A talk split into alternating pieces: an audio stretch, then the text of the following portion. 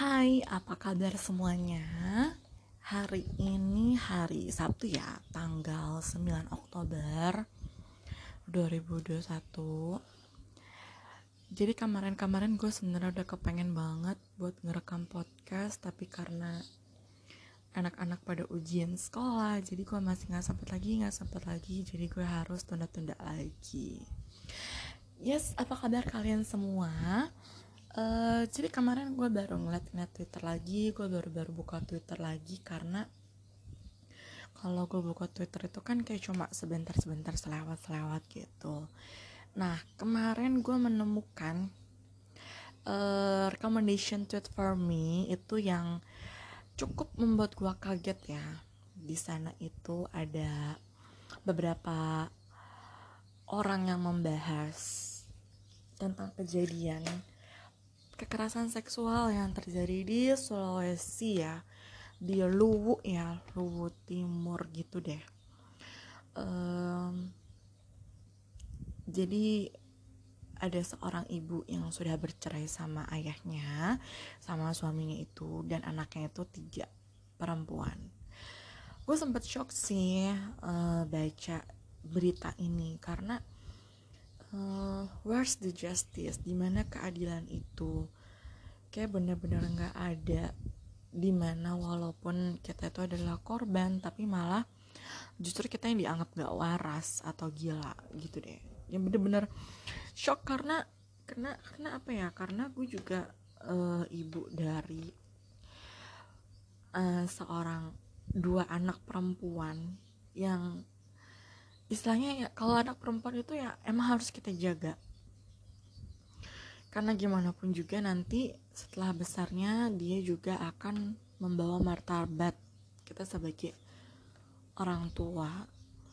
Jadi di sana itu kasus yang kemarin gue baca dari project Multatulia di sana itu uh, jadi suami istri ini udah cerai. Dia punya tiga anak perempuan dan tiga anak perempuan itu diam-diam uh, mengalami kekerasan seksual dari ayah kandungnya sendiri. Bisa kebayang gak sih gimana patah hatinya se uh, seorang ibu patah hatinya si anak masa depannya si anak itu bukan direnggut karena lelaki yang uh, emang dia cintai atau karena dia pacaran sama seseorang atau dia salah jalur tapi itu sama ayah kandungnya sendiri.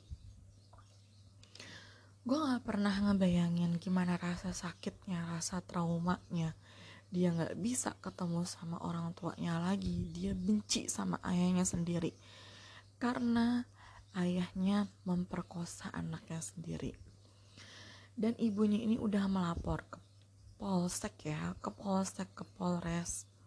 Itu nggak ada tanggapan sama sekali. Justru si ibunya ini disangka gila. Dan polisi pun tidak mau melihat video ataupun foto yang terjadi pada anak tersebut. Sampai akhirnya si ibu itu datang kayak ke tempat perlindungan anak.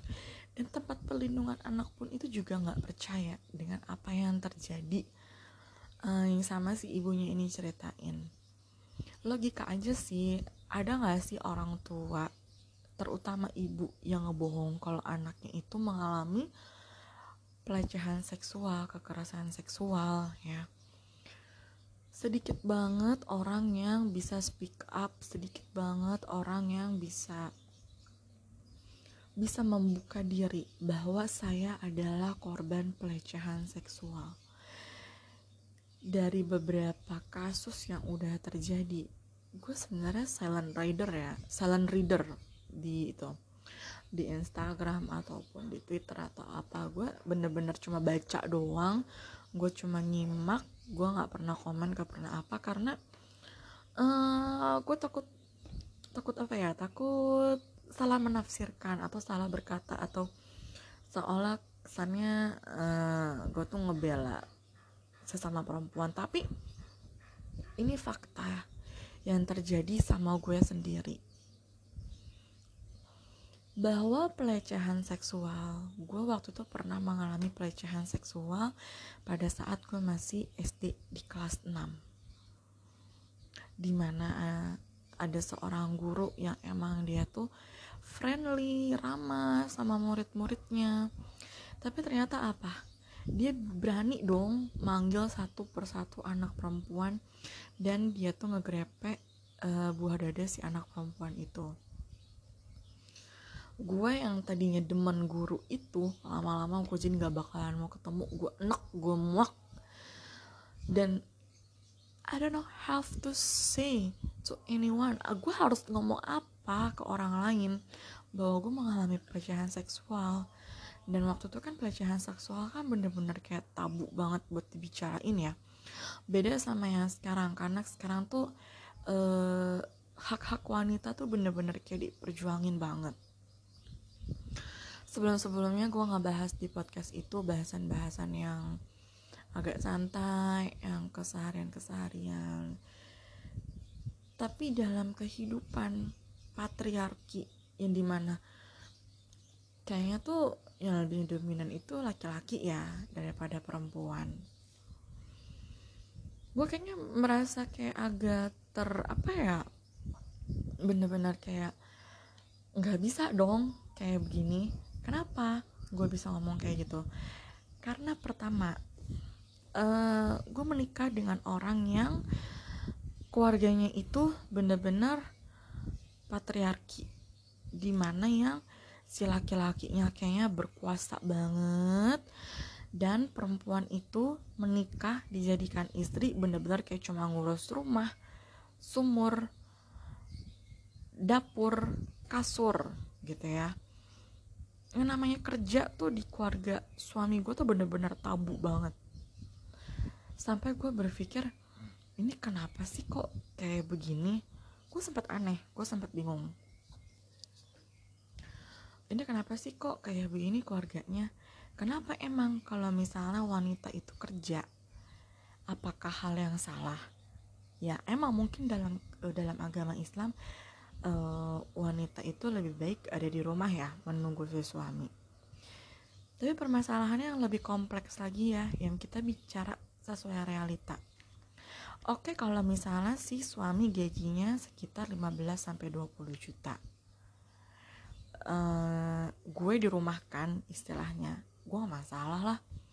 5-6 juta itu cukup buat gue. Bahkan lebih dari cukup kalau gue bener-bener bisa hidup yang bener gitu kan gue nggak hura-hura gue nggak foya-foya gue nggak banyak jajan tapi gimana kalau misalnya kita punya suami yang penghasilan itu kayak cuma sejuta dua juta UMR UMR oke okay lah UMR tuh 5 juta atau 7 juta. Tapi kalau misalnya dari UMR ini dia harus bayar cicilan ini dia bayar utang ini dia bayar utang bulan lalu ini karena dia minjem sana minjem sini. Gue sebagai logika uh, gue tuh mikir logika aja ya.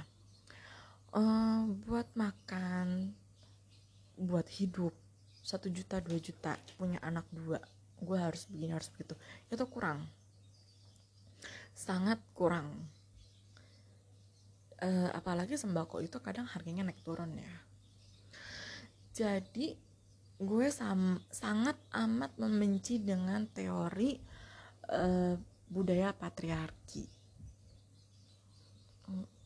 Sama seperti kasus pelecehan seksual ya. Uh, gue balik lagi ke pelecehan seksual.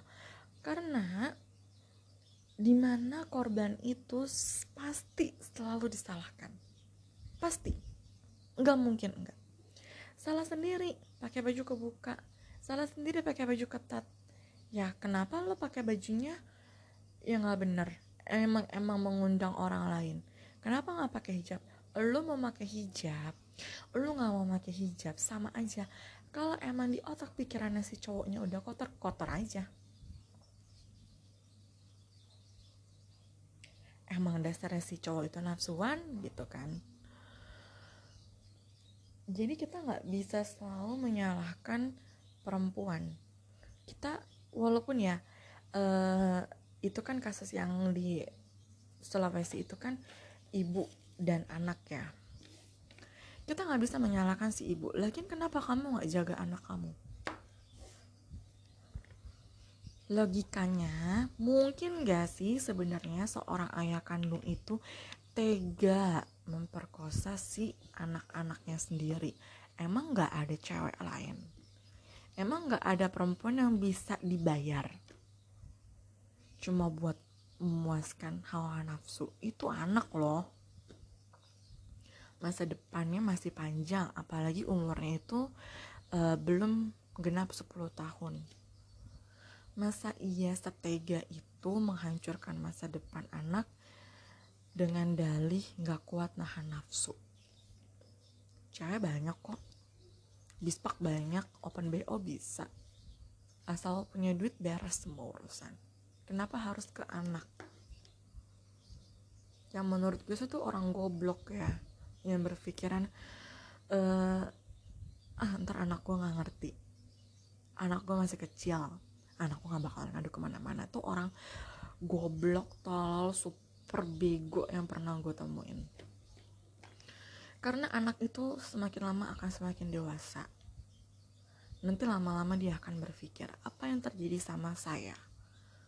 Mengapa saya bisa mengalami hal ini? Bagaimana saya ke depannya melanjutkan hidup kalau saya sudah diperlakukan seperti ini? Apakah ke depannya saya akan dihargai oleh orang lain? Itu pertanyaan itu akan akan apa ya? Akan ada di benak sama si anak. Uh, untuk ke depan, apakah akan apakah akan ada orang yang masih bisa menghargai saya sebagai wanita walaupun keadaan saya sudah ternoda dan itu oleh ayah saya sendiri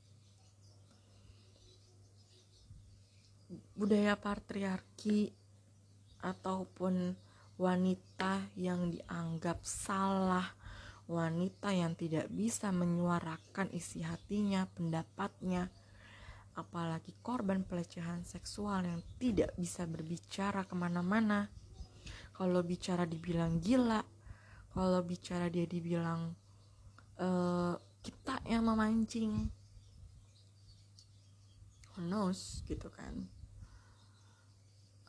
gue juga korban dari pelecehan seksual walaupun itu terjadi sudah sangat sangat lama pada saat gue kelas 6 SD uh, dan efeknya ke gue itu gue jadi merasa apa ya gue jadi kayak harus menutup diri. Gue harus menutup diri serapat-rapat diri gue mungkin. Gimana caranya supaya nggak ada orang yang bisa nyentuh gue lagi gitu. Dan gue selalu merasa insecure sama badan gue sama apa yang di diri gue karena gue pernah dipegang oleh sembarangan orang. Walaupun gue kenal dia tuh sebagai guru gue waktu itu. Dan yang lebih mirisnya lagi buat gue temen gue pernah dipanggil ke ruangan waktu itu sih dia guru komputer ya. Dia dipanggil ke ruangan kom, uh, ruangan lab komputer dia keluar dari lab komputer itu dia nangis nangis dia cerita dia dielus-elus sama guru komputernya dan dia juga dicium pipi kanan pipi kiri. Itu uh, waktu itu mungkin kita belum ngerti ya kita belum paham oh mungkin ini hari yang istimewa atau apa gitu. Setelah sadar itu pas kita udah gede ini berarti pelecehan seksual. Dan gue ngomong sama dia berarti dulu yang dilakukan uh, sama guru kita itu ini namanya pelecehan seksual. Dan ya namanya kita masih kecil kita masih SD kelas 6 kita emang nggak bisa speak up gitu. Kita mau ngomong ke siapa? Kita harus ngomong ke siapa kalau kayak gini? Uh, dibilang speak up kita dibilang gila nggak speak up kita juga jadi trauma. Jadi gue hanya menekankan gue hanya pengen banget kasih saran buat teman-teman siapa pun kalian dan terutama gue yang punya anak perempuan gue akan selalu menekankan sama diri gue sendiri bahwa gue selalu bilang kayak gini sih sama anak gue tolong kalau ada apa-apa cerita sama mama. Kamu diapain? Kamu dipukul? Kamu musuhan sama siapa? Kamu uh, kamu minjam duit atau kamu minta dijajanin ini minta dijajanin itu. Kalau kamu dipegang-pegang kamu juga harus ngomong sama mama. Karena kamu nggak bisa nolong diri kamu sendiri kamu masih kecil uh, kamu nggak tahu apa yang harus kamu lakukan. Tolong ngomong sama mama. Gue selalu bilang kayak gitu sama anak gue. Jadi apa pun yang dia lakukan apa pun yang dia alami harus cerita dan harus bisa terbuka. Karena kalau enggak dampaknya emang pas udah remaja udah dewasa gitu sih. Jadi gue tuh selalu bilang uh, eh, gue kayak kayak apa ya? Oh edukasi seks sejak dini itu juga penting. Karena apa? Kalau misalnya kita nggak kasih tahu dari sekarang oh ini loh bagian yang nggak boleh dipegang. Oh ini loh bagian yang nggak boleh dipegang kan ada dulu ya pelajarannya. Bagian yang boleh dipegang itu tangan kepala sama kaki. Tapi yang dipakein baju kolam renang baju buat berenang itu nggak boleh dipegang. Jadi gue selalu menekankan kayak gitu. Sama anak-anak gue pun juga kayak begitu. Karena apa? Kalau kita tahu keadaan anak kita kita bisa tahu apa nih langkah selanjutnya sebisa mungkin uh, kita nggak usah lah terlalu cuek sama anak. Oh anak udah gede udah bisa dilepas udah bisa kayak gini. Emang kita nggak bisa mengawasi anak itu 24 jam? Enggak tapi paling nggak kan kita bisa mengarahkan. Kita uh, kita harus kasih tahu yang baik. Nak kamu begini loh. Nak kamu begini loh. Kamu harusnya tahu yang ini yang benar yang ini yang enggak jadi kita udah menanamkan itu dari anak sejak kecil jadi dia paham. Secara otomatis di otak mereka oh iya kayak gini boleh. Kayak gini nggak boleh. Gitu. Oke okay, thank you for listening this weekend. Uh, dari kemarin gue udah gatel banget sih pengen ngomongin masalah yang dari Twitter Project Multatuli ini Project M ya Twitternya itu karena ini bener-bener kayak menyayat hati seorang ibu gitu loh. Di mana seorang ibu yang berusaha ke sana kemari ke sana kemari kalau belum viral kasus ini itu polisi nggak akan jalan. Itu nggak tahu kenapa. Nggak tahu kenapa sih sumpah. Dan ini benar-benar luka batin buat anaknya. Semoga uh, yang diceritakan di sana kan cetekan anonim ya. Dengan ibu Lydia dengan ibu Lydia semoga masalahnya cepat selesai woman support woman Semoga kita semua bisa lepas dari semua masalah yang ada di sini. Semoga anak-anaknya juga bisa menyembuhkan lukanya dari trauma-trauma yang disebabkan oleh ayahnya sendiri. Ya. Oke, okay, thank you for listening this weekend. See you next week. Bye.